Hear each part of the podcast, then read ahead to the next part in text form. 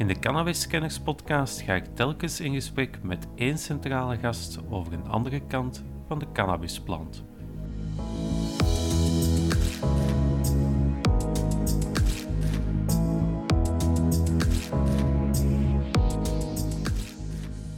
Cannabis is gewoon dat heel, heel gevaarlijk middel daar. Kent je het wel? Ah, ja, dat iedereen die dat smoort wordt psychotisch. Echt waar.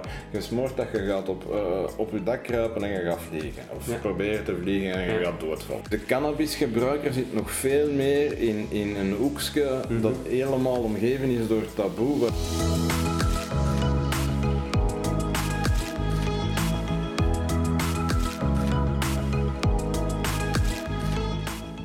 Gast in deze 19e aflevering is Patrick de Wals, auteur van het boek Medicinale Cannabis Meer dan een medische kwestie.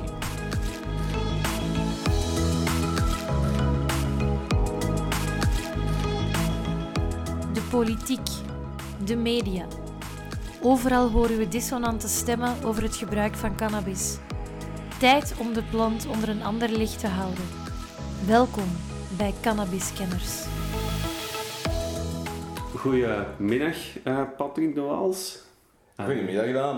in ieder geval bedankt om tijd vrij te maken voor het interview. Dat is graag Eh, gedaan. ehm, waarom dat ik je vooral wou interviewen is in het kader van het boek dat je een aantal jaren geleden hebt geschreven, Medicinale Cannabis. Ja. Klopt. Ehm, mijn eerste vraag, wat was voor jou de aanleiding om, om dat boek te schrijven? Waarom ben je daarmee gestart? Ja, eh, ik heb dat toen geschreven omdat ik eigenlijk al enkele jaren bezig was met, met heel veel eh, rond eh, de medicinale mogelijkheden van cannabis te onderzoeken, te lezen, mensen te interviewen, zowel patiënten als deskundigen, veelal in het buitenland, maar ook een paar in het binnenland. En, en ik had daardoor redelijk wat kennis verzameld. En ehm, ja, ik wilde dat eigenlijk in, in een boekvorm gieten om aan de mensen eh, een, een, een boek eh, te kunnen geven waarin dat allemaal verzameld was. Het boek heet trouwens Medicinale Cannabis, meer dan een medische kwestie.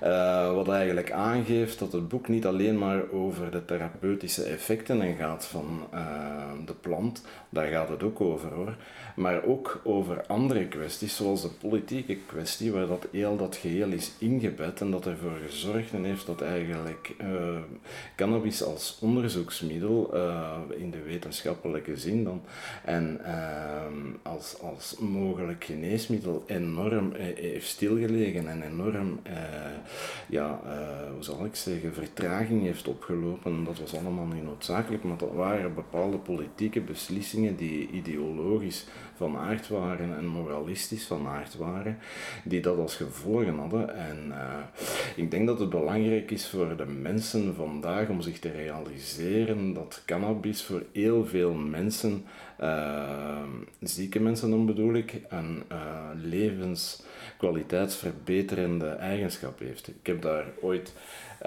met Mike Barnes eh, een interview eh, gedaan.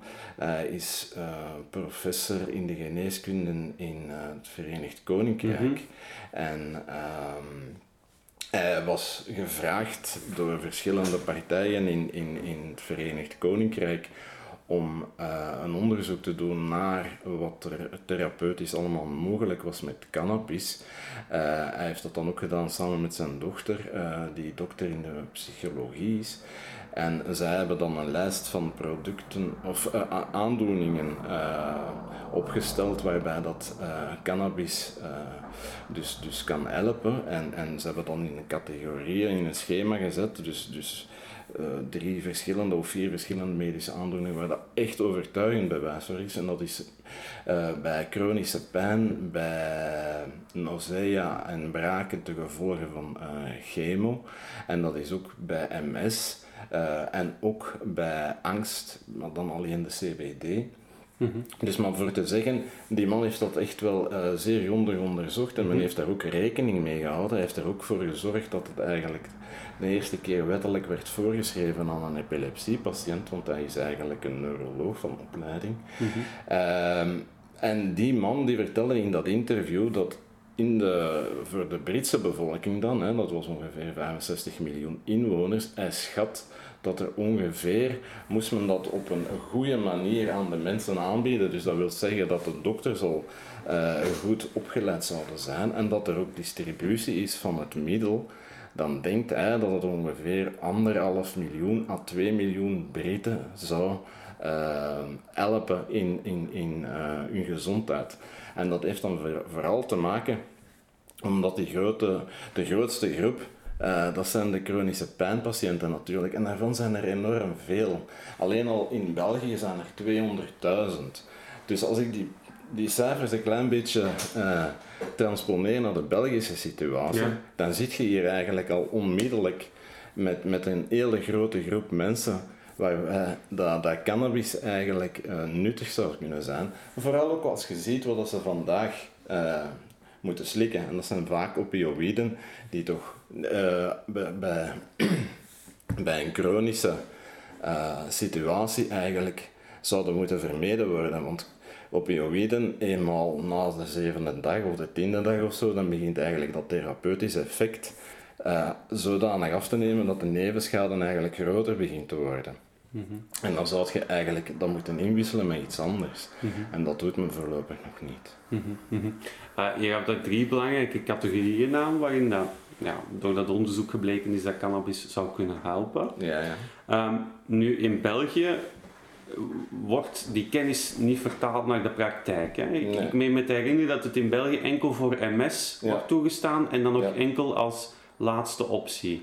Als laatste optie en alleen als een specialist het voorschrijft, een neuroloog mm -hmm. moet dat dan nog op voorschrijven. Mm -hmm. En dan kan iemand dat gaan afhalen inderdaad in een ziekenhuisapotheek. Mm -hmm. Dus, uh, het is niet zo toegankelijk eigenlijk. Het is niet dat een huisarts het gaan voorschrijven bij Het is niet naar laagdrempelig, ja, ja. absoluut niet. En het is dan ook zeer specifiek alleen voor DMS-patiënten. Want ik heb ooit een interview gedaan met uh, een pijnarts hier in België, Dominique Lossignol, die pijnarts is in het Bordescentrum in, in Brussel. Dat is een kankercentrum, maar dat hij dus vaak mensen ontvangt die, die kankergerelateerde pijn hebben. Mm -hmm. Maar ook andere, hij heeft ook een, een, een, kabinet, zeg maar, waar dat ook andere pijnpatiënten komen die niet kankergerelateerde mm -hmm. pijn hebben. En die man uh, heeft daarnaast dan ook nog een keer zelf uh, twee, in 2010 en 2013 onderzoeken meegedaan uh, met Satifex, mm -hmm. dat eigenlijk een, een, een, product is waar dat THC en CBD in zit, hè, twee cannabinoïden, mm -hmm. voor die groepen mensen en, en gaan onderzoeken of dat het hielp en voor een significant aandeel van die mensen hielp het. Ik denk dat het rond de 40% was. Dat wil niet altijd zeggen dat die pijn verdwijnt, maar als je een pijn, hè, vaak wordt dat gemeten op een op een schaal van 0 tot 10. En als je met een pijn zit van 8 continu en plots gaat hij naar 4, dat is een enorme winst. Ja. Dus die man zit ook met zijn handen in zijn haar, als ik het zo mag zeggen. Want die weet dat, die heeft dat allemaal onderzocht, die heeft daar onderzoek gedaan, dat, hè, internationaal, want dat was samen met uh, een, een, een ziekenhuis ergens in het Verenigd Koninkrijk. En die heeft daar in zijn kabinet, ik weet niet hoeveel pijnpatiënten zitten, Mm -hmm. Maar die mag dat dus niet voorschrijven. Die mag geen medicinale cannabis voorschrijven, want mm -hmm. het is niet voor hen. Dus die zegt dan ook zo van, ja maar, allee, alle respect en, en, en, voor die mensen uh, die MS hebben, maar wat moet ik dan doen? Zijn mijn, zijn mijn patiënten dan minderwaardig? Dus dat is een heel absurde situatie. Maar natuurlijk, als, als de, de, hoe zal ik zeggen, niemand dat weet dat het uh, zo'n effect, een, een, een, goed effect kan hebben. Uh, want ook artsen weten dat niet. Hè? En als dat in de, in de media ook niet belicht wordt of zelfs ontkend wordt, mm -hmm. ja, dan gaat het nog heel lang duren voordat men eigenlijk die politieke vertaling zal zien. Hè? Je merkt het ook dus in, in, in de medische wereld zelf dat de kennis daar te beperkt rond is? Nog? Ja, natuurlijk, absoluut. Uh, ik heb uh, in mijn boek verwijs ik daar ook uh, naar van, van cannabis, uh, hoe, hoe, schrijf ik het weer, ongekend, onbemind. het is gewoon zo ehm, dat artsen dat niet. Het, om te weten dat cannabis therapeutische effecten kan hebben, moet je weten dat er in ons uh, organisme, hè, in ons lichaam, mm een, een, een neurotransmittersysteem zit en dat heet het endocannabinoïde systeem. Mhm. Dat is een systeem van endocannabide enerzijds en receptoren voor die endocannabinoïden, die zeer veel uh, voorkomt in ons organisme in zeer veel, bij zeer veel fysiologische processen eigenlijk betrokken is. Maar dat uh, neurotransmittersysteem, hè, het mm endocannabinoïde systeem, dat leert men standaard niet in, aan de universiteit, aan de geneeskunde. Dat wordt niet gedoseerd. Dat is wereldwijd zo. Hè. Mhm. Dus zelfs in een land gelijk Amerika, waar dat eigenlijk ondertussen uh, redelijk wat mensen daar uh, van, van, van kunnen gebruik mhm. maken, mhm. zijn de medische scholen daar nog altijd niet slagen zij daar niet in om dat standaard mee te nemen in hun opleiding. Mhm. Er is een onderzoek geweest in 2018 waarbij dat ze alle medische scholen van de Verenigde Staten hadden uitgenodigd om, om aan dat onderzoek mee te werken. Ik denk dat ongeveer drie kwart had meegewerkt. Van, die, van dat drie kwart was uiteindelijk het besluit dat ze 85% van die drie kwart dus, van die mhm. universiteiten toegaf van dat de geneesheren die daar afstudeerden, of de geneesvrouwen, eigenlijk te weinig kennis hadden om op een adequate manier medicinale cannabis voor te schrijven. Mhm. Dus dat is in de Verenigde Staten zo, dat is in België zo, dat is overal mhm. zo. Mhm. Ik had ooit een interview met Manuel Goesman, die zeer gekend is binnen de cannabiswereld als onderzoeker. Uh, en ik was daar een beetje mee aan het praten en hij zei van ja, maar uh, ik zal wel wel een keer lezen, hè, want ik ging hem dat dan doorsturen wat ik ging schrijven. Uh, terwijl ik op de vlieger zit of zo, want ik vertrek ze bieden naar Colombia en ze hebben mij daar uitgenodigd, want ik moet de geneesheer in Ginder gaan uitleggen. Het was ondertussen al twee jaar legaal, hè, medicinale cannabis, voor wat dat, dat allemaal kan dienen eigenlijk. Mensen weten dat niet. Dus dat is enorm, enorm spijtig, zal ik maar mhm. zeggen. Mhm. Eh, daar komt ook geen verandering in. Mhm. Ik uh, had uh, onlangs, verleden week of zo denk ik, een gesprek met een arts in opleiding en een stagiaire arts. Ik vroeg hen van, ken jij al iets van medicinale cannabis? De arts in opleiding die zei, ik heb dat nooit gezien. De stagiaire zei, ja, het endocannabinoïde systeem hebben we dat ooit wel een keer gezien, maar ze hebben ons ook wel gezegd dat cannabis niet, niks aan doet. Dus, het wordt wel verteld, maar er wordt direct onmiddellijk bij gezegd, ja, je mocht het daar daarna wel vergeten. Het wordt, het wordt niet echt gedoseerd. Er wordt iets vermeld dat het bestaat, maar daar wordt niet eigenlijk uh, rond gesproken. Gelijk bijvoorbeeld die man die daar net zei, Mike Barnes, die professor die heeft nu in het Verenigd Koninkrijk, waar dat ondertussen cannabis zo gezegd legaal is, maar er is geen enkele distributie, dus dat is wel ambetant. Ja. Uh, daar heeft hij ook voor gezorgd. Uh, alleen niet dat er geen distributie is, maar wel dat het legaal werd. Mm Die man heeft zelf dus hij doseert en dat is de enige plaats waar dat je eigenlijk over het endocannabinoïde systeem kunt uh, leren aan een gewone universiteit. Uh, dat is in Leeds, denk ik. Mhm. En hij heeft samen met andere artsen en, en misschien ook een paar professoren, dat weet ik niet, mhm. een, een systeem opgezet, een soort van universiteit, een cannabis-universiteit, waar dat ze eigenlijk lesgeven aan uh, artsen die al afgestudeerd zijn, mhm. maar dat ze daar beginnen uit te leggen wat dat eigenlijk het endocannabinoïde systeem is, in welke fysiologische processen dat allemaal betrokken is, wat dat, eigenlijk wil zeggen voor bepaalde medische aandoeningen en hoe dat je dat dan kunt doseren, hoe ja.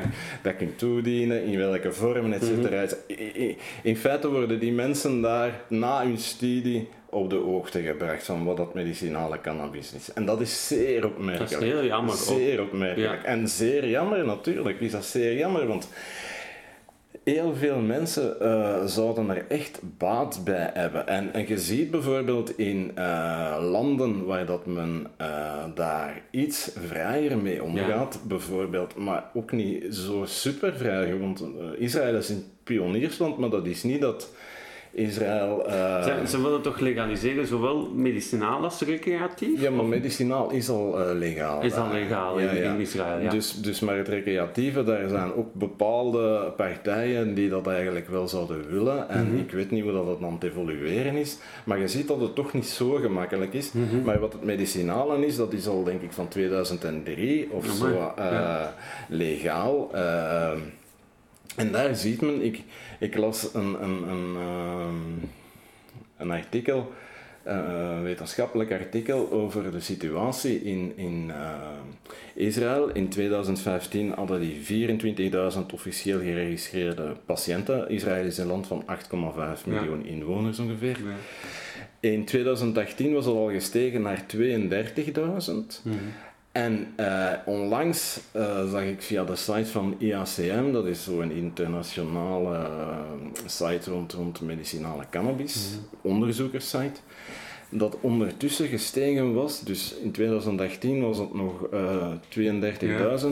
vandaag 70.000. Dat is de dus, laatste twee jaar toch heel hard omhoog gegaan. En in Canada is dat hetzelfde. En wat ja. ziet men dan? Welke mensen zijn dat dan? Zijn dat dan de jeugd die wel wilt feesten of zo? Ja. Nee, de mensen die eigenlijk het meest op het voorplan komen en dat men ziet dat, dat daar cannabis beginnen gebruiken voor medicinale doeleinden dus, dat zijn vooral oudere mensen. Ja. Omdat die oudere mensen natuurlijk van alle problemen krijgen. Hè? Ja. Die, die, die, die, die gewrichten ja. uh, zijn al, veel ouder zijn al een beetje kapot.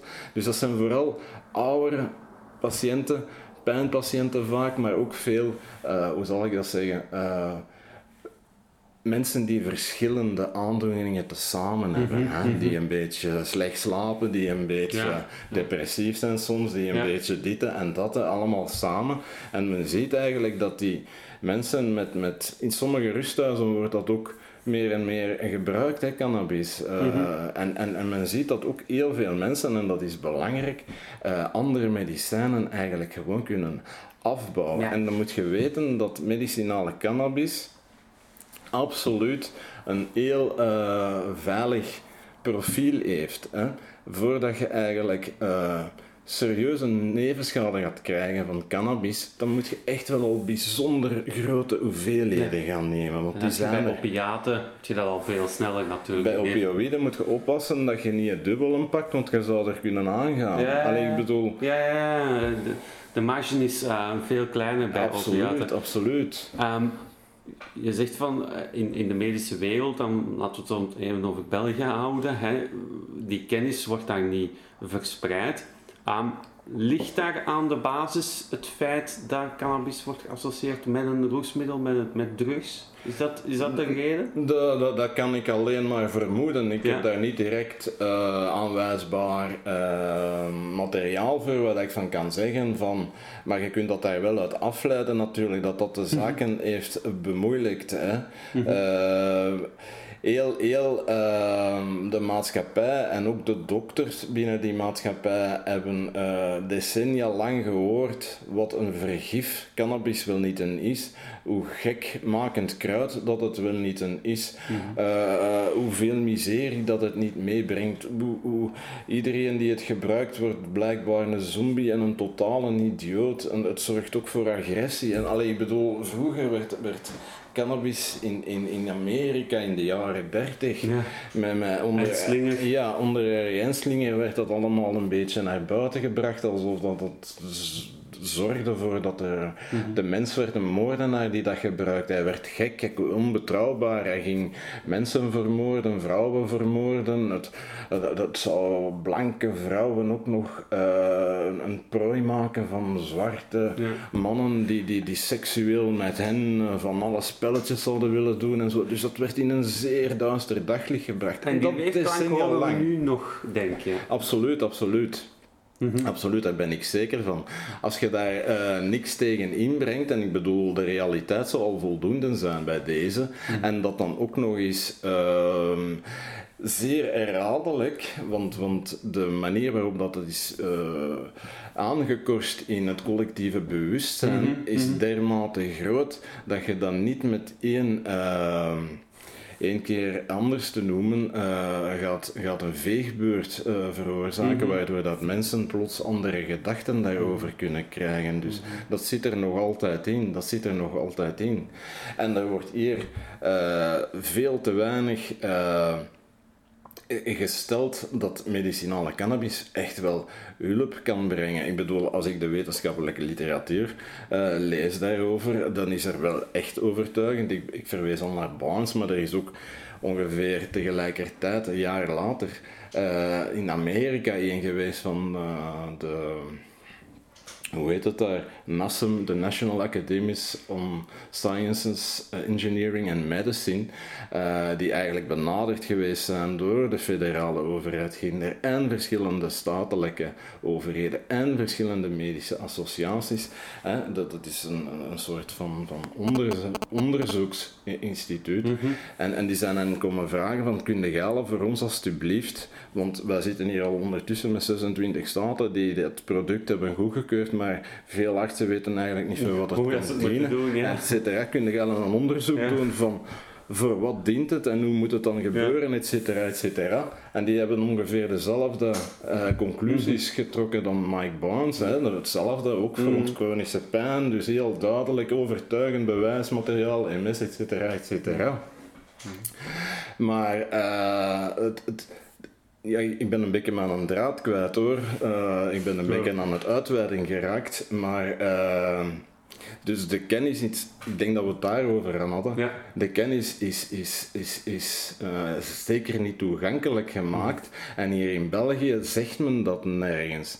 Dat, dat, dat eigenlijk cannabis een, een, een hoe zal ik zeggen, een, een goed alternatief zou kunnen zijn en, en uh, bij sommige medische aandoeningen, gelijk bij chronische pijn, zou men dat eigenlijk in pole position als eerste moeten geven en niet naar opioïden grijpen. Ja. Ik zie bijvoorbeeld ook in bepaalde dingen van pijnartsen in Israël, daar zie je dat die mentaliteit aan het schuiven is. Mm Daar zie je in een onderzoek dat 40% van die, medisch, van die pijnartsen, die specialisten, mm ondertussen eigenlijk al uh, eh, 40% prefereert medicinale cannabis als eerste middel voor te schrijven te, uh, tegenover uh, opioïden. Dus dat is een, een belangrijke kentering, denk ik. Ja, maar we hebben het een beetje gehad over ja, de positieve kanten die cannabis kan, kan, kan bijbrengen. Maar wat we natuurlijk veel in de media horen en in de politiek, zijn de negatieve kanten van cannabis. Hè? Ja. En je bent zelf ook psychiatrisch verpleegkundige hè, van opleiding.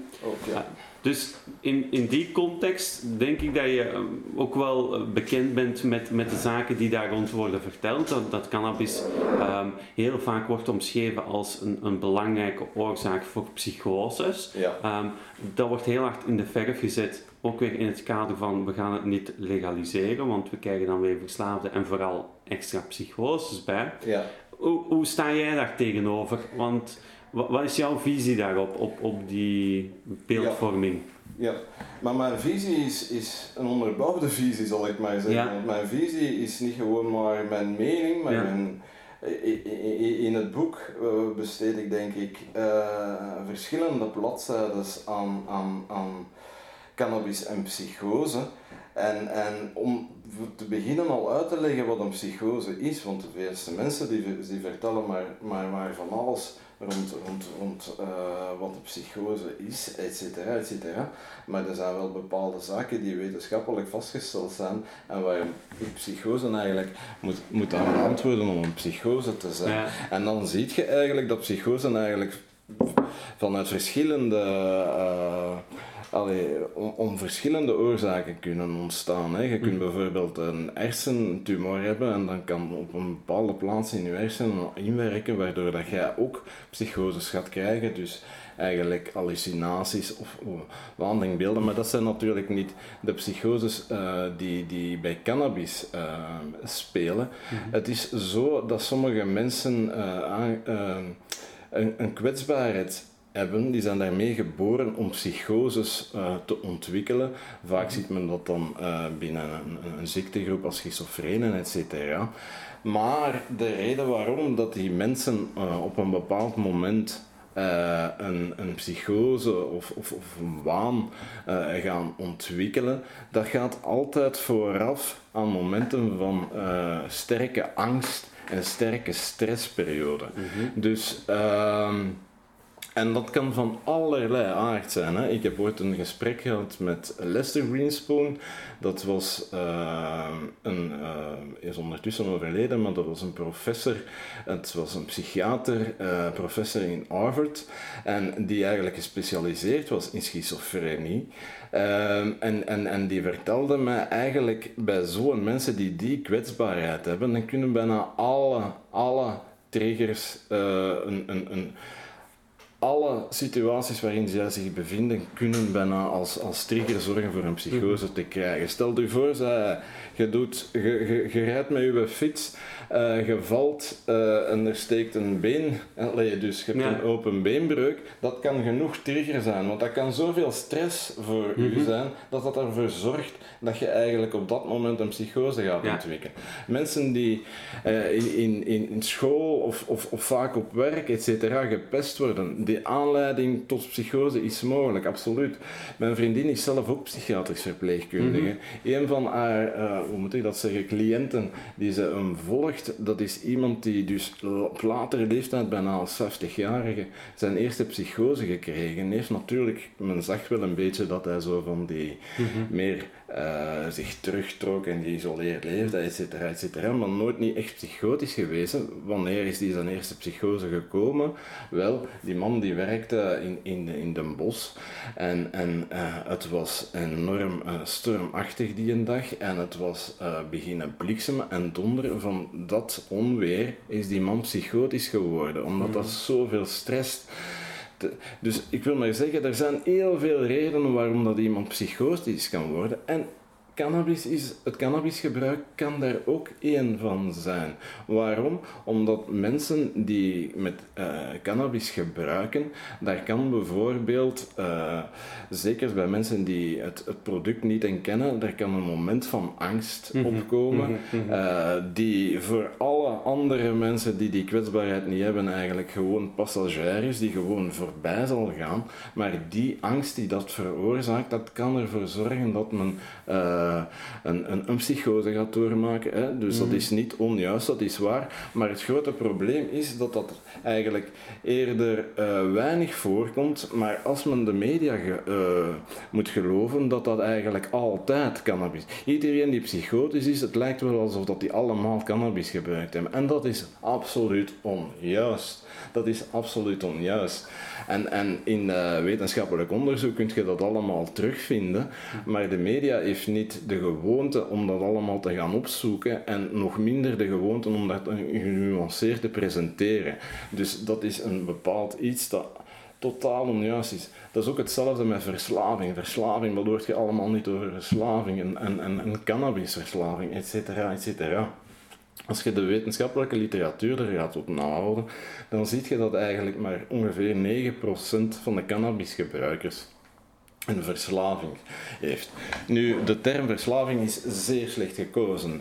Wel, uh, zeer slecht gekozen, het hangt ervan af wat je ermee wilt doen natuurlijk. Als je graag moralistje wilt uithangen, is dat een prachtig gekozen term. Ja. Verslaving, van waar komt dat? De verslaving, dat komt van het Romeinse recht. Uh, het werkwoord is adicere, denk ik. Hmm. En dat betekent eigenlijk in het Romeinse recht, dat is de uitspraak van de rechter, wanneer dat iemand, dus een meester, een slaaf toegewezen krijgt. Mhm. Plots, hè, dus in de Romeinse tijd was dat ja. nogal het geval, die gingen dan plunderen en zo en die kwamen dan thuis met, met ook met een hoop mensen en ja. nieuwe mensen, ook die van adel van die regio's trouwens, en die kregen dan uh, in één keer die slaven. Maar dat was dus een uitspraak van de, de, de rechter die maakte dat die ander plots een meester boven zich had en dat hij zelf niks meer te beslissen had. Dus, uh, maar als je dat dan nu eens ziet op, op, op cannabis, hè, dus eigenlijk is iemand verslaafd aan een middel, meestal zegt men dan, maar dat klopt eigenlijk niet.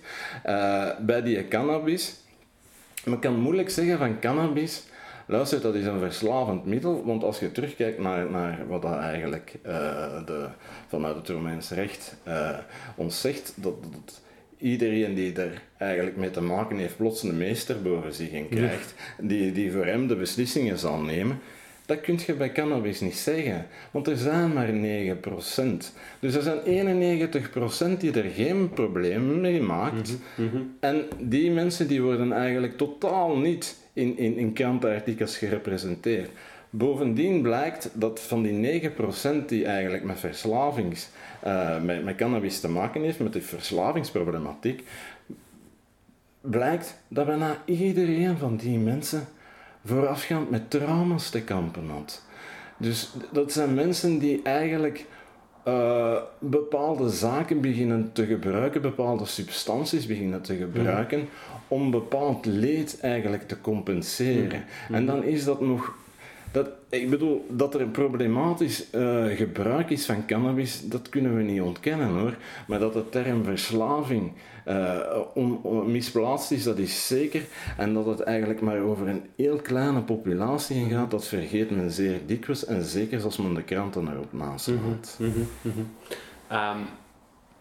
om, om dan de vergelijking te maken met, met andere middelen, hè, want er wordt in de media heel vaak ook gezegd, kijk, we hebben, we hebben eigenlijk al twee middelen toegestaan, legaal toegestaan, cannabis, uh, alcohol en tabak. Uh, zijn de twee bekendste. Ja. Um, dan wordt ook heel vaak in de politiek en de media gezegd van, ja, moeten we daar nu nog een derde bij toestaan? Hè? Dat is een, een, een veelgehoord argument in, in, in dat debat. Mhm. wat, wat, wat vind jij daarvan? Ik denk dat mensen uh, dat zelf moeten beslissen uh, welk middel dat ze gebruiken en dat ze niet moeten afgaan op wat uh, of welke kruimels dat de politici naar beneden laten dwarrelen.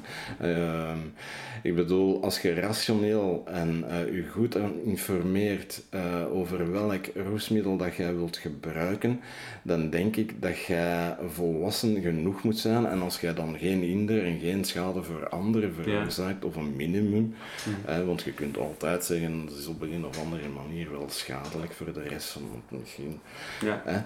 Maar, maar, maar als jij niet onmiddellijk rechtstreeks uh, voor de mensen uh, een last vormt, dan denk ik dat dat eigenlijk geen enkel probleem hoeft te zijn.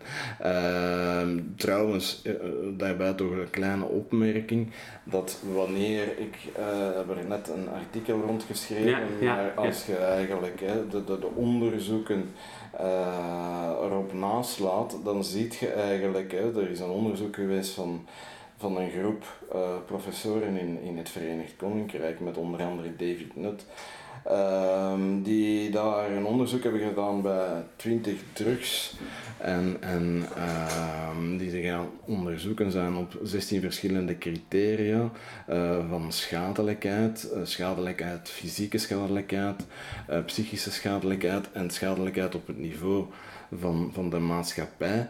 En dan zie je eigenlijk, als je al die verschillende ehm, criteria, de, de punten die daar gescoord werden per drug, uh, gaat optellen en als een soort van rapport gaat, Ja. gaat, gaat naar voren schuiven, dan zie je dat alcohol de meest schadelijke is.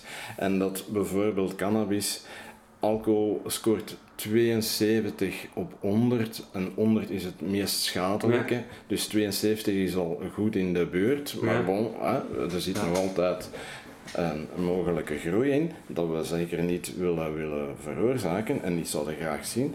Maar dan moet je ook wel vaststellen dat cannabis maar eh, een, een, een rapport krijgt met 20 punten op. Dus in feite is cannabis veel minder schadelijk. Mhm. En dan is het absurd, compleet absurd, om te stellen, ja, maar we hebben hier er al twee eh, binnengelaten. Mhm. Oké, die zijn verschrikkelijk slecht, want eh, van tabak, eh, daarvan sterven de meeste Ja, 20.000 gebruikers. per jaar, hè. denk ik, Ja, dat zijn er heel veel. En Mhm. eh, ik bedoel, daar wordt ook niet te veel over verteld hoe schadelijk dat dan is. Nu Nee. is dat een beetje meer aan het worden, maar men heeft daar zeer lang over gezwegen. En het wordt nog altijd verkocht in een supermarkt. Absoluut, hè. absoluut. Maar ik ben ook niet voor het illegaal maken, Nee, omdat nee, dat het maar, maar alcohol anders reguleren misschien wel. Wel, wa- wat de alcohol betreft denk ik dat er niet niet veel anders moet gereguleerd worden. Wel dat de reclame, reclame moet verdwijnen, ja. dat is zeker het geval. Mhm. Dat de multinationals die daar enorm veel uh, geld mee verdienen met het schadelijk product mhm. aan, aan de samenleving op te dringen, dat die veel meer uh, belastingen zouden moeten mhm. betalen, deel van die schadeloosstelling te kunnen realiseren, maar, maar, maar niet dat het onwettelijk zou moeten mhm, gemaakt mhm. worden. Misschien dat ze ook wel zouden kunnen overwegen, uh, als ik me goed herinner was dat ook het geval in Australië, ik ben daar ooit geweest, maar dat is al uh, een paar decennia geleden ondertussen, maar als ik me goed herinner was het kon je daar geen alcohol in de supermarkt kopen. Daar in Nederland is het ook zo. Allee, kan je wel wijn en bier kopen in de supermarkt, maar sterk maar daar, is bij een slijterij dan. Daar kon je niks kopen. Niks kopen in de supermarkt. En dan moest je naar een slijterij gaan. En ik denk dat dat niet slecht is. Nogmaals, ik ben... Uh, allee, Mm ex-psychiatrisch verpleegkundige, maar ik herinner me nog dat bepaalde mensen die dus eigenlijk uh, voor alcoholproblemen in het ziekenhuis terecht mhm. waren gekomen, hè, en die we dan hielpen om terug leven op te bouwen en die dan terug uh, een soort van, van, van tussenverblijf bij het project van Beschut Wonen of zo aanboden. En, en die mensen die moesten dan dagdagelijkse leven uh, stilletjes aan terug, terug implementeren, die gingen dan terug ook hun eigen boodschappen doen. En die kwamen dan in supermarkten, maar die werden daar wel geconfronteerd met alcohol en met bier en met alles wat dat ze eigenlijk van moeten afblijven. Hm. Dus dat was niet zo vanzelfsprekend voor die mensen. Dus ik denk dat je daar misschien aan zou kunnen denken, maar voor de rest moet je zeker geen alcohol verbieden op, op, uh, op café of op restaurant. Of op, dit is echt niet, niet, niet. Maar ik wil wel onder de aandacht brengen dat uh, cannabis veel minder schadelijk is dan, dan alcohol bijvoorbeeld. Als ik dan dan zie hoe dat uh, bepaalde burgemeesters, gelijk Redouani hier uh, in Leuven, dan nog ten aanval trekken tegen, uh, ten aanzien van CBD. Dat is eigenlijk een, een, een, een, een, een soort cannabis, CBD-cannabis als je wilt, waar dat geen THC in zit. Waar dat, dat is zelfs geen alcoholvrij bier, maar voor cannabis. Voilà. Dus het is alcoholvrij bier en daar gaat men in, oh die moeten niet allemaal weg. En dan gaat men, want men wil niet dat, dat, dat de jeugd uh, geconfronteerd wordt met de roesmiddelen, et cetera. En uh, binnen een straal van een kilometer mogen er geen winkels binnen een straal van een kilometer van een school mogen er geen CBD-winkels mhm. zijn. Hè? Mhm. Dus die mensen zijn allemaal moeten verdwijnen.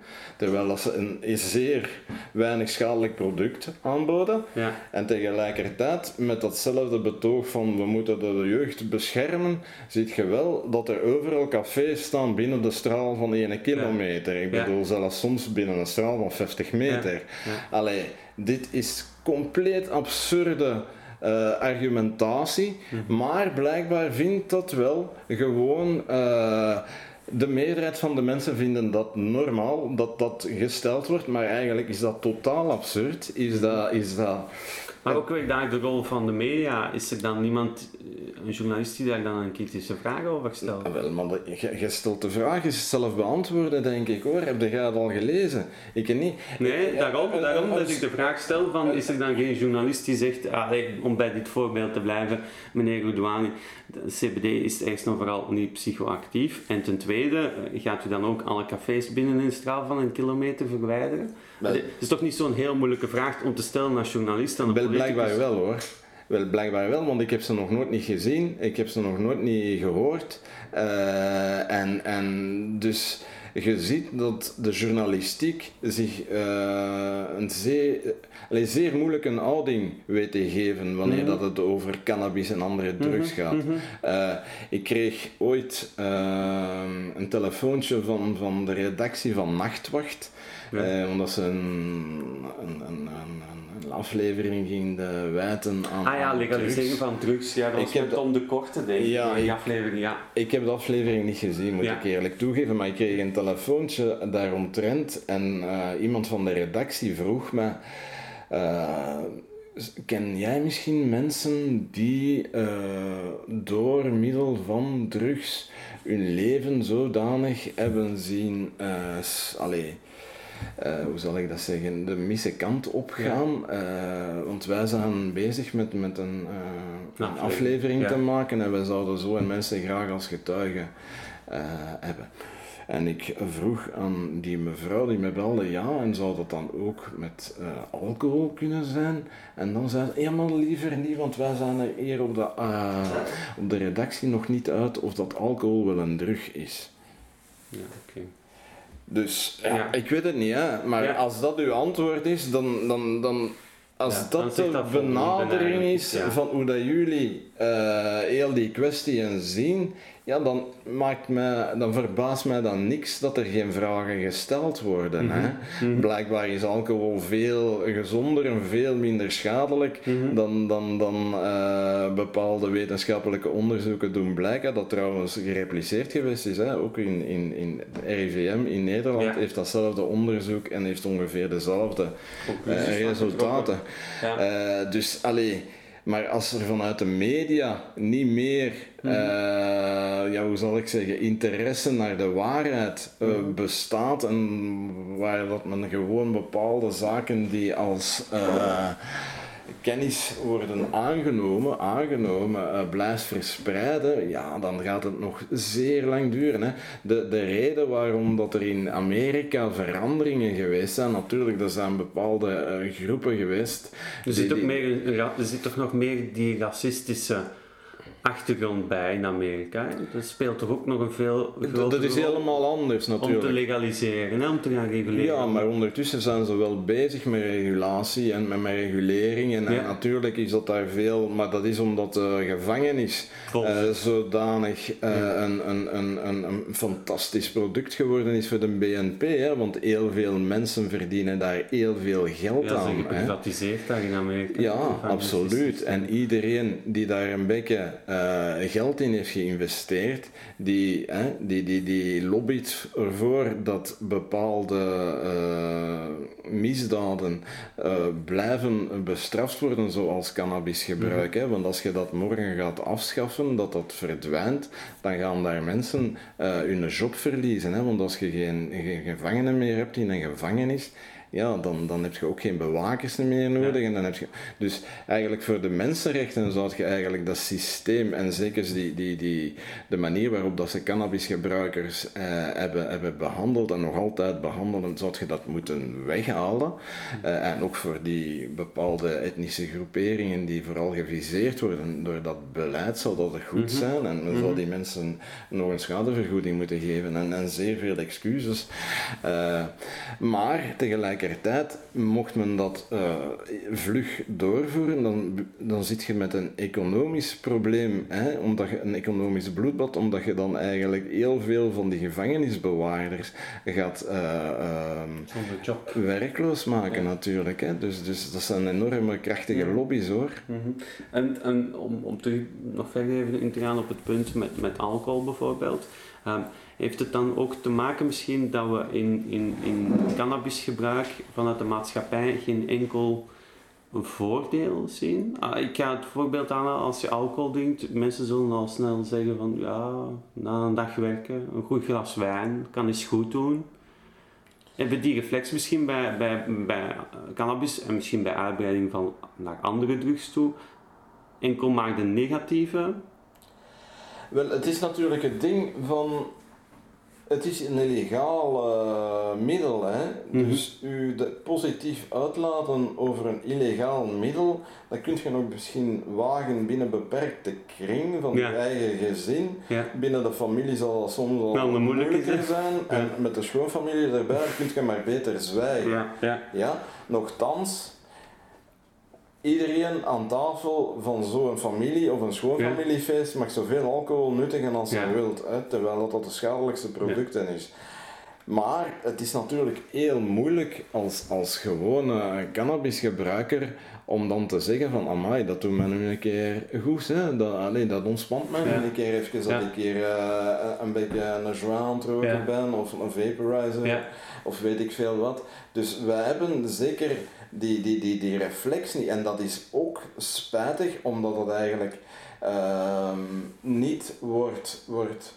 Weet je, bepaalde mensen zijn sowieso meer, hebben veel meer invloed op een, een maatschappij. Hè? Als je ziet naar Amerika, dan zijn er verschillende. Uh, acteurs of, of, of sportmensen, of zeker nou hun, hun, die daarvoor uitkomen dat ze cannabis gebruiken. Dat heeft natuurlijk uh, als, als, als repercussie uh, dat andere mensen zich ook makkelijker, gemakkelijker gaan, gaan hè? Ja, dan kunnen ze zeggen, ja maar dan, die, dan Brad Pitt die doet ja, dat ook, of de Seth Rogen die doet dat ook, of, of die. Die een, die, die sprinterdag. Uh, ja, voilà. Ja, dat is ook een heel recent verhaal, die voilà. naar de Olympische Spelen mocht. Ja. Dus, dus weet je, dan, dan, dan, dan zie je dat er mm -hmm. zo bepaalde figuren eigenlijk daar al aan staan. Maar hier in België, wie heeft hier al in het openbaar iets ja. positiefs gezegd? En zeker de laatste jaren, hè, omdat dat beleid daar ook wel weer een beetje, hè, daar komt misschien nog heel kort nog op, op het politieke aspect. Het beleid daar rond is de laatste jaren onder invloed van, van NVA dan voornamelijk heel, heel hard verstrengd. Ja. Um, is het dat ook misschien dat, dat meespeelt? Zeker, waarom dat mensen zeker. daar niet, niet voor durven uitkomen dat ze cannabis consumeren? Maar, maar ik denk dat het uh, juist is wat dat je zegt, maar voor de volledigheid zou ik er toch wel graag aan willen toevoegen dat het niet alleen door de input is van de NVA.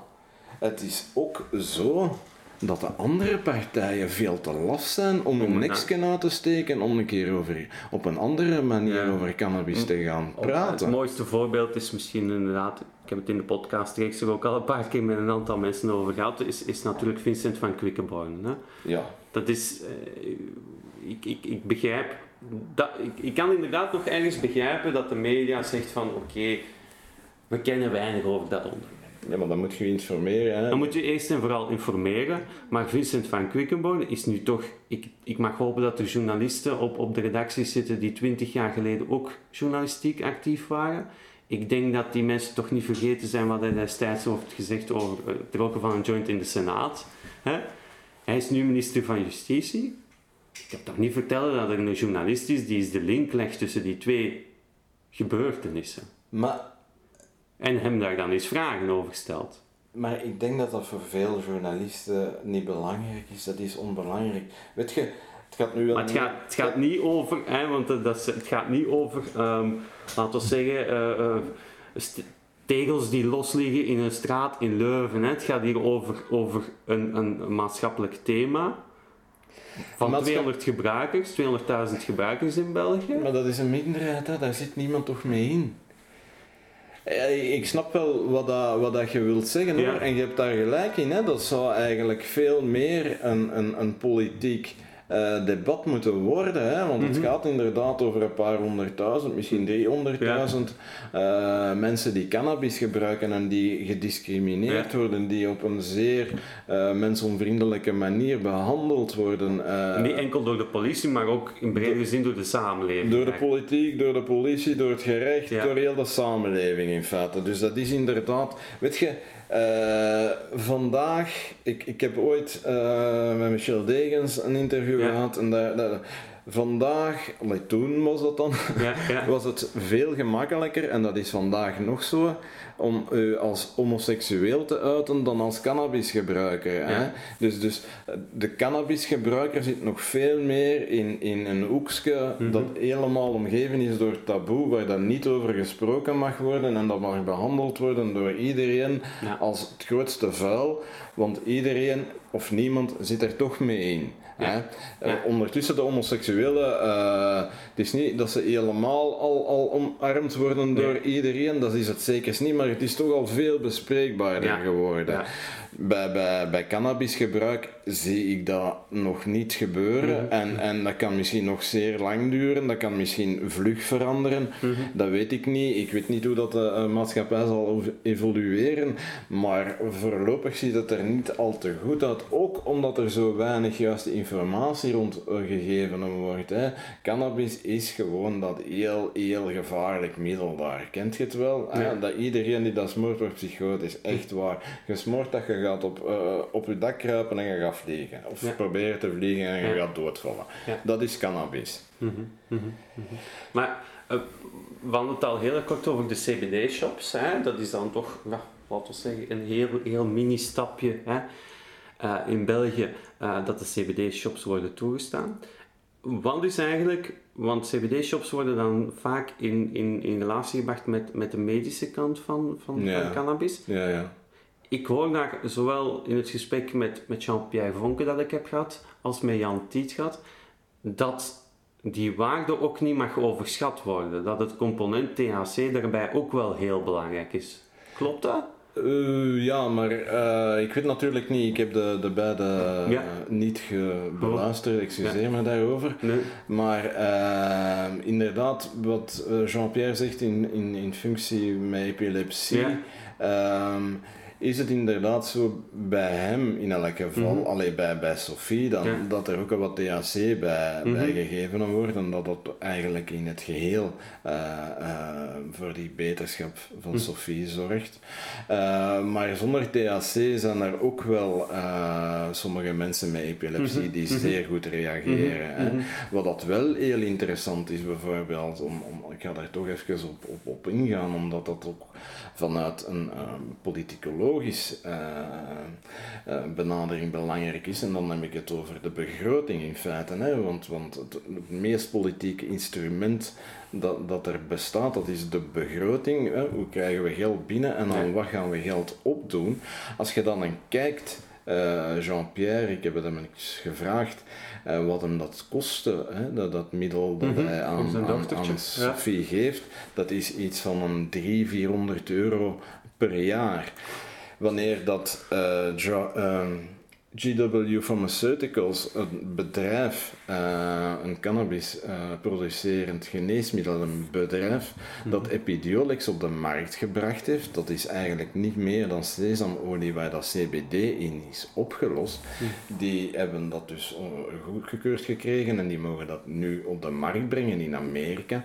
Zij beslisten uh, om dat te verkopen aan een rato van 32.500 dollar per patiënt per jaar. Dat is 100 keer meer dan Jean-Pierre eigenlijk betaalt. Dus wij moeten heel dankbaar zijn naar Jean-Pierre, want die doet ons enorm veel geld besparen. Maar wat ik wil aangeven is dat eigenlijk, en dat is een beetje spijtig ook in heel die discussie, want daar gaat het ook over. Hè? Men is eigenlijk medicinale cannabis, men is dan nog een beetje aan het uitstellen, maar binnenkort gaat dat gerecupereerd worden door de farmaceutische industrie. En die gaan dan gaan lobbyen en die gaan ervoor zorgen dat ze hun producten moeten kopen, want de uh, cannabis die jij uh, in uw hof kweekt, of via een social uh, cannabis club ja. kweekt, zou niet de, de, de vereiste uh, kenmerken hebben die eigenlijk, waardoor dat je over medicinale cannabis kunt spreken. Dat is gewoon niet waar. Hè?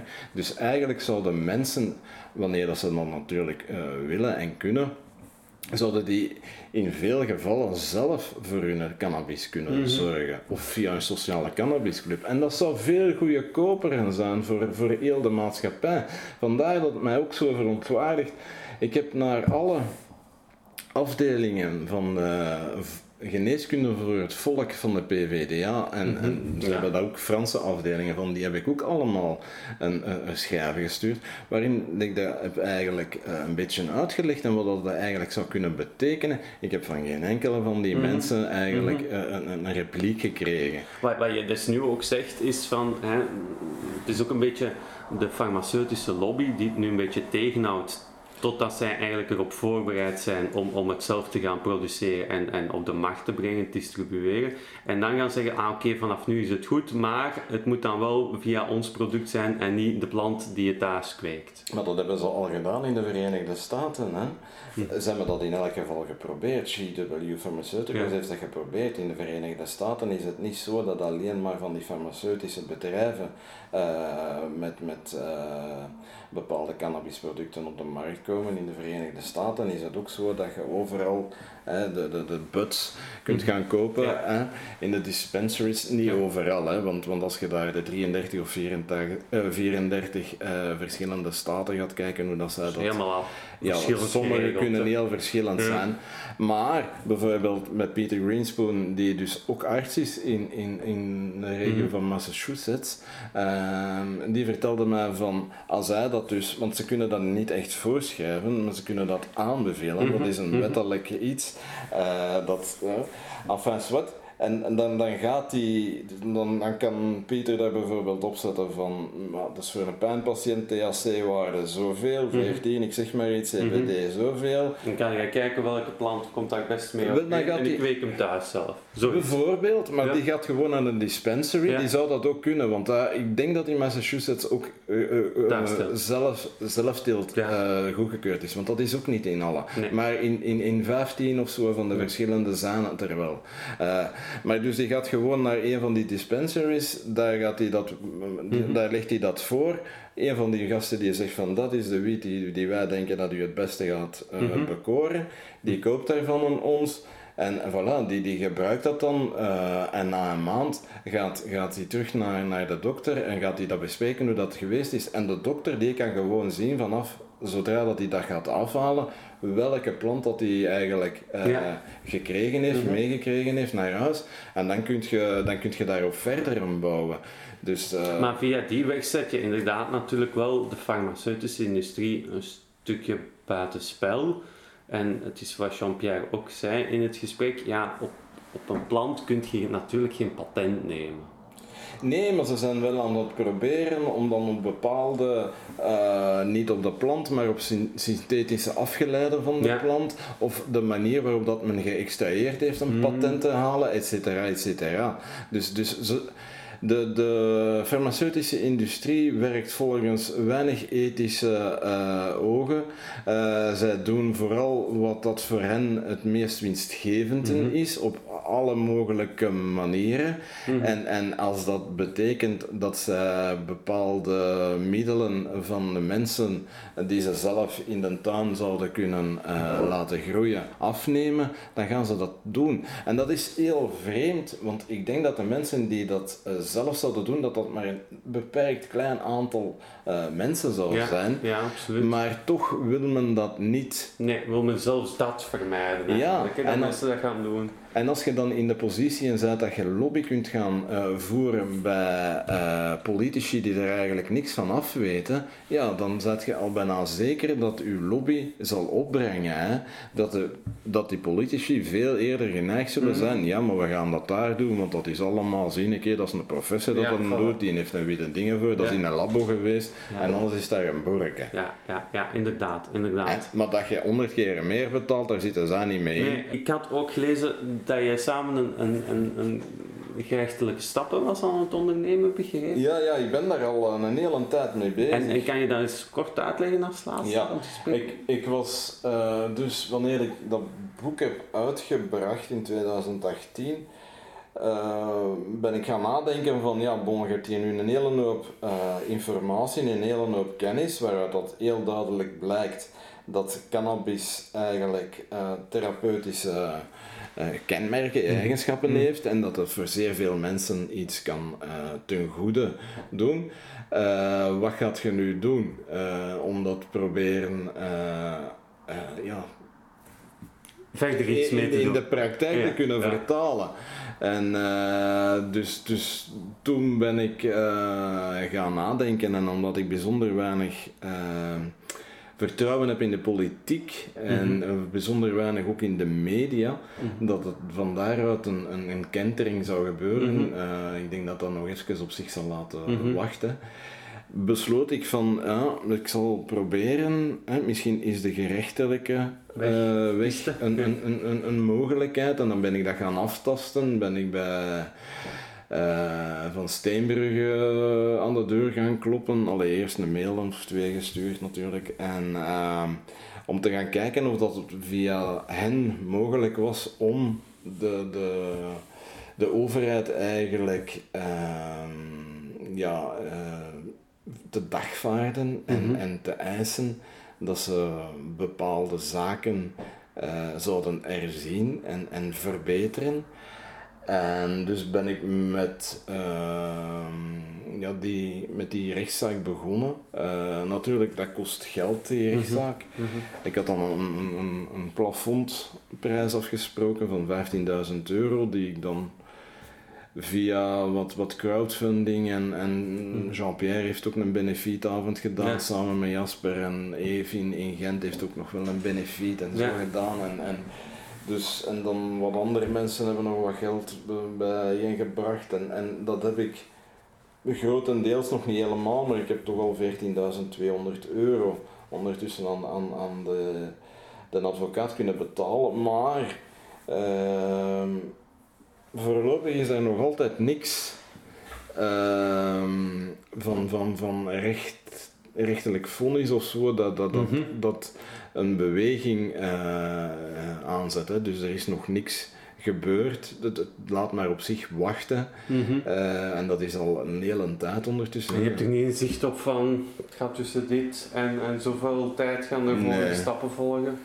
Absoluut niet, absoluut niet. Uh, ik hoop dat het, dat het iets positiefs ja. teweeg brengt natuurlijk. Want dat is wat je ook bijvoorbeeld in Mexico hebt gezien. Hè? Daar is het uiteindelijk ook het Hooggerechtshof dat beslist heeft, ja, cannabis moet legaal worden.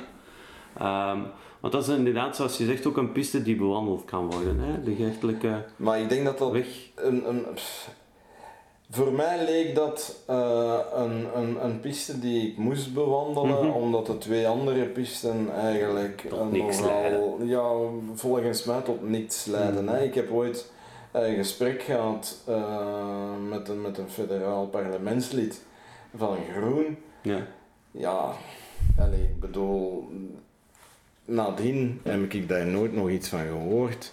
En, en ook niet dat zij met iets bezig is daar rond. Uh, Weet je, ik heb die mevrouw uitgelegd dat er uh, waarschijnlijk als je medicinale cannabis op een goede manier uh, voorschrijft, hè, een beetje naar analogie wat dan Mike Barnes al vertelt over het Verenigd Koninkrijk, dat je gemakkelijk in België ja, een honderdduizendtal mensen, mhm. honderdduizend, ik zal nog een keer goed herhalen, een, een, een, een middel kunt geven dat hun levenskwaliteit aanzienlijk zal verbeteren. Wel, ik heb daaruit niet het gevoel gekregen mhm. dat zij dan in één keer haar ogen opende en in één keer mhm. zei van amai, dat gaan we direct regelen. Hè? Dus, dus het laat allemaal op zich wachten. Ik denk dat politici uh, voor die zaak, ik hoor wel vaker dat ze niet tegen hen zijn, maar ik, ik zie ze niet echt iets voordoen. Ja, dus, ja, uh, gaat er ook niet veel veranderen. Hè? Nee, nee, Als we dan kijken, naar, daar wil ik het dan mee eindigen, naar, naar de toekomst. Hè. Uh, we hebben al verwezen naar Amerika. Daar zijn bij wijze van spreken staten waar het in, in, in, in laten we zeggen, een half jaar van volledig illegaal naar, naar bij wijze van spreken coffeeshops, uh, om bij dat woord te blijven, is kunnen overgaan. Um, we zien hier in Europa, ja, Nederland is dan uiteindelijk na 40 jaar uiteindelijk begonnen met eindelijk iets aan die achterdeur te proberen doen. Hè? Ja, ja. Ook, ook weer een term die in Belgische politiek, uh, denk ik, soms bewust wordt vermeden. Er wordt altijd gekeken naar Nederland, hoe dat ze het daar doen, maar dan wordt het woord achterdeur en, en de illegaliteit van de productie en teelt wordt daar bewust weggelaten, durf ik soms te denken. Uh, maar dan denk je ook in, in Luxemburg is er een plan om te gaan legaliseren. Duitsland is het ook een klein onderdeel van de, het debat rond de politiek, rond de verkiezingen uh, op het einde van de mhm. maand. Frankrijk heeft in het begin van het jaar een referendum gedaan, of een volksraadpleging, hè, waar ook uitkwam van een meerderheid van de bevolking is pro. Ik noem hier nu vier buurlanden waarin dat men toch, ja, soms misschien heel kleine, maar toch stappen zet. Um, België kan toch moeilijk blijven als, als eiland. Ik wil eigenlijk komen tot de vraag: hoe groot zie jij de invloed die het buitenland kan hebben op wat er in België gebeurt? Voorlopig zie ik die als heel klein. Mhm. Eh, ik denk niet dat dat veel gaat uh, veranderen. Ten eerste moet het daar nog veranderen. Mhm. De meeste de meeste kans waar dat iets zal veranderen, dat is in Luxemburg. Dat is ook mhm. niet de grootste nee. uh, speler. Ik denk niet dat dat... Maar het, het hangt allemaal af van de manier waarop dat de media dat gaat brengen. Weet je, als je in grote media daar uh, nog een beetje... Want bijvoorbeeld, hè, omdat je nu inderdaad zegt media, hè, ik, ik heb heel weinig artikels op de VRT gelezen over, over de legaliseringsgolf in Amerika. Als het één artikel is, dan zal het veel zijn. Ja. Maar mensen die volgend jaar naar New York gaan, zullen daar wel coffeeshops zien. Snap je? Wellicht. Ja, snap je? Het is toch een heel grote stad, het is een heel groot land, maar ook weer daar, onderbreken misschien, hè, in de media wordt dat ook weer heel weinig gebracht. Ja, en, en het is moeilijk om, om u niet het idee te, te, te maken dat het eigenlijk met opzet is. Hè? Ja. Allee, ik bedoel, eh, wat je zegt is absoluut waar. Het is, het is trouwens, want dat is een heel slechte reden om het te doen. eh, het brengt nog heel veel geld op ook. Als Ja, je gaat maar dat kan je niet. legaliseren. Ja, dat is, dat is een Maar heel is- slecht argument om te gebruiken. Ja, maar in de media tonen ze graag dingen die, die, die veel geld opbrengen. Maar, maar de manier waarop dat ze het eigenlijk verzwijgen eh, is, is zeer opmerkelijk. Ik kan, ik kan daar niet meer van zeggen. Eh, het is zeer opmerkelijk. En ja. Ik, ik kan het niet uitleggen Nee, waar- dus hoe dat dat- het komt hoor. Ja. Ik kan het echt niet uitleggen. eh, op welke manier daar re- eh, redacties daarover over, eh, nadenken of niet nadenken, of, of dit gewoon buiten. Maar als ik uw verhaal dan hoor, dan, hè, om daarmee te eindigen, denk ik dat je niet echt positief bent als het gaat over wijzigingen in, in de Belgische wetgeving rond cannabis, zowel medicinaal als recreatief. Wel, ik zie daar geen enkele gelegenheid toe. Jij wel, Daan? Zie Nee. jij dingen in Nee, nee, gebeuren ik, die ik, zeggen ik van, mag denk amai, daar denk ik nu een keer positief over, Zaans, Nee, hè? nee, ik nee, zie ik zie, nee, nee. ik- Dus ik kan dan toch moeilijk zeggen dat ik het positief inschat. Ja, ja, ik zie enkel, ja, mensen durven, als politici zijn, durven daar hoog uit toen persoonlijk een titel is een uitspraak over te doen. Ehm, maar zelfs bij heel progressieve partijen, of eerder progressieve partijen als, als Vooruit of als Groen, is, is het ook allemaal, als het dan als te sprake komt, met heel veel voorbehoud. En, en ja, eh, we begrijpen dat de situatie zoals ze nu is ook niet houdbaar is, maar dan met een alternatief komen is dan weer een stap te ver. Ja. Dat is dan weer een, een, een brug te ver om te zeggen van ja, kijk, misschien is het legaliseren. Hè. Ik zeg dan het woord misschien er nog tussen. Zelfs die uitspraken durven ze niet te doen. Nee, maar, maar bon, ik kan dat alleen maar samen met u met spijt vaststellen, maar dat is in elk geval wat, dat er, eh, wat dat er nu speelt. Hè. Ik, ik zie niks waarin dat ik me kan zeggen, ah, dat is goed. Dat is nu eens een stap in, in Dat een is- dat is bepaalde een richting, stap. in de goede richting. Ja. Ja. Daarom ook dat ik dat via de rechtspraak probeer af te dwingen. Mhm. Omdat ik al zo lang niks zie gebeuren. Mhm. en, en dan in de eerste plaats naar het medicinale gebruik, Mhm. omdat dat voor veel mensen echt wel Een hulp kan een, zijn. een, een, een serieuze hulp kan Ja. zijn. En ik weet dat zeer veel mensen eigenlijk daarmee bezig zijn op een illegale manier. Heel veel. Ik ken kankerpatiënten die, die, die als, als, als ze chemo Mhm. hebben, eh, cannabis gebruiken. Op de om- illegale markt kopen. Hè. Ja. ja. Maar ik ken dus mensen die, die hun, hun vader, die dan al een gezegende leeftijd heeft, die naar Nederland moet gaan eh, bollen, hè, om daar in een koffieshop een beetje eh, wiet te gaan halen, omdat zijn zoon kanker heeft. Hè. ja. Allee, dat is toch... Je moet dat maar een keer proberen in te beelden op ehm, de manier waarop dat die mensen dat moeten beleven. Die zitten al met een schrijnende zaak, namelijk kanker in de familie. Dat is toch niet zo gezellig. En dan moet jij daar nog als oudere man van 70, 75 jaar met uw eh, auto naar daar gaan om het te gaan halen. En pas op, dat is dan nog eigenlijk iemand die... die er nog niet zo slecht van afbrengt, want er zijn sommige mensen die hebben zelfs geen auto voor het te gaan halen, of er zijn geen mensen, sommige mensen weten zelfs niet dat het kan gebruikt worden Ja. daarvoor.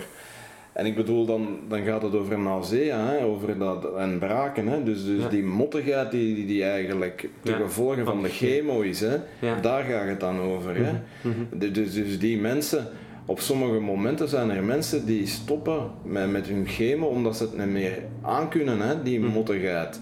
Wel, zo'n mensen, wanneer dat je dan toch denkt dat die chemo zo favorabel is, wel, als die dan wel over dat middel kunnen beschikken, gaan die misschien hun chemo wel uitdoen.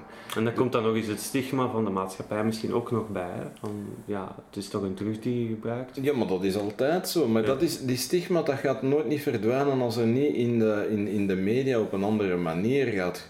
Ik bedoel, dat stigma dat kleeft er nu eenmaal op. Als je dat niet gaat ontkleven, je gaat daar echt proactief iets voor moeten ondernemen om dat te veranderen, dan gaat dat blijven. Hè? Dat gaat altijd zo blijven.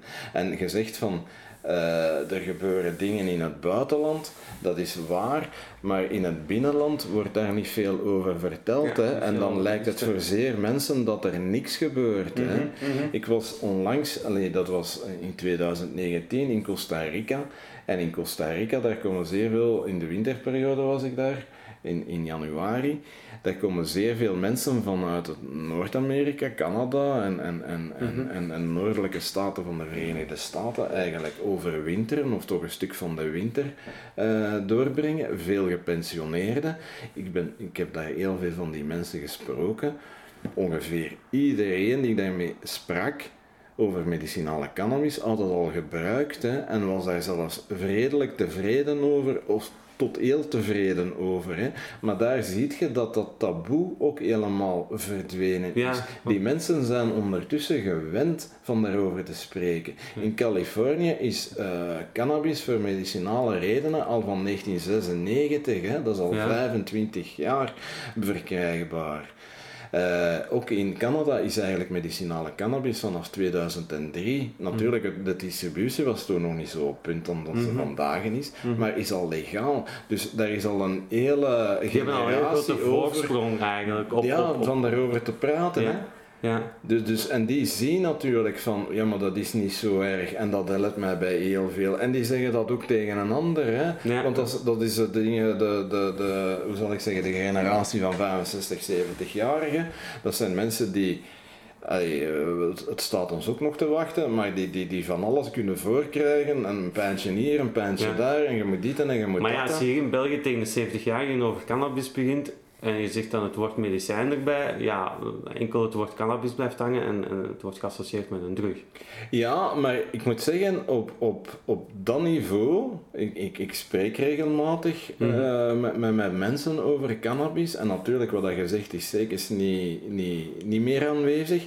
Maar ik zie toch ook een klein beetje bij sommige mensen een bepaalde interesse van, ja, dat kan misschien helpen. Hè? ik, ik, maar, allee, sommige mensen die, die, die, die, die ik spreek, eh, die, die, die gebruiken het en die zijn eigenlijk wel, die zien wel van, ah ja, maar dat helpt mij eigenlijk wel. En dat helpt mij een beetje beter voor te gaan slapen. Of dat helpt mij een beetje beter bij de pijn aan mijn gewrichten. Dus de, die, die, die kentering bij mensen is die stilletjes aan wel aan het gebeuren hoor, maar die is natuurlijk heel zwak. Maar ik denk wel dat de mensen, want, want er zijn heel veel mensen, allee, heel veel mensen die eigenlijk binnen een illegale constructie wel aan, aan, aan cannabis geraken Ja. als medicijn hoor. Veel te weinig natuurlijk, want veel weten het zelfs niet dat het een medicijn zou kunnen zijn. Het is ook moeilijk om in kaart te brengen natuurlijk. Maar je kunt dat niet hè. Hoeveel mensen gebruiken het nu illegaal? Dat- Je kunt daar geen, geen kunt statistieken dat op, niet, op- je kunt dat niet. Ja. Niemand praat daar ook niet over. Of toch niet openlijk over. En, en, en eh, dat is natuurlijk een beperking daarin. Hè? En dat is ook een beperking in, in, in het ontplooien van een goed beleid. Hè? Als je dat zo heimelijk moet houden, als je dat zo geheim moet houden. Dus, dus ja, dat, dat, dat, hoe dat wij er hier mee bezig zijn in België met cannabis en medicinale cannabis, dat is een zeer, zeer eh, af te raden manier. Dat is een, een manier van, van, van waar dat bepaalde mensen bepaalde eh, eh, krachten hebben opgelaten dat het eh, illegaal maakt en, en, en erover praten is zelfs niet meer mogelijk. Ja, dat maakt het natuurlijk, ja, dan heb je rap, dan heb je rap geen stof meer om, om nog iets aan toe te voegen. Oké, ik denk dat we het daar kunnen bij laten, Ah. Patrick. In ieder geval heel bedankt voor het interview. Dat is heel graag gedaan. Ja. Bedankt Patrick de Wals voor dit uitgebreide gesprek. En u luisteraar, u graag binnenkort terug voor een nieuwe aflevering van de Cannabis Scanners podcast.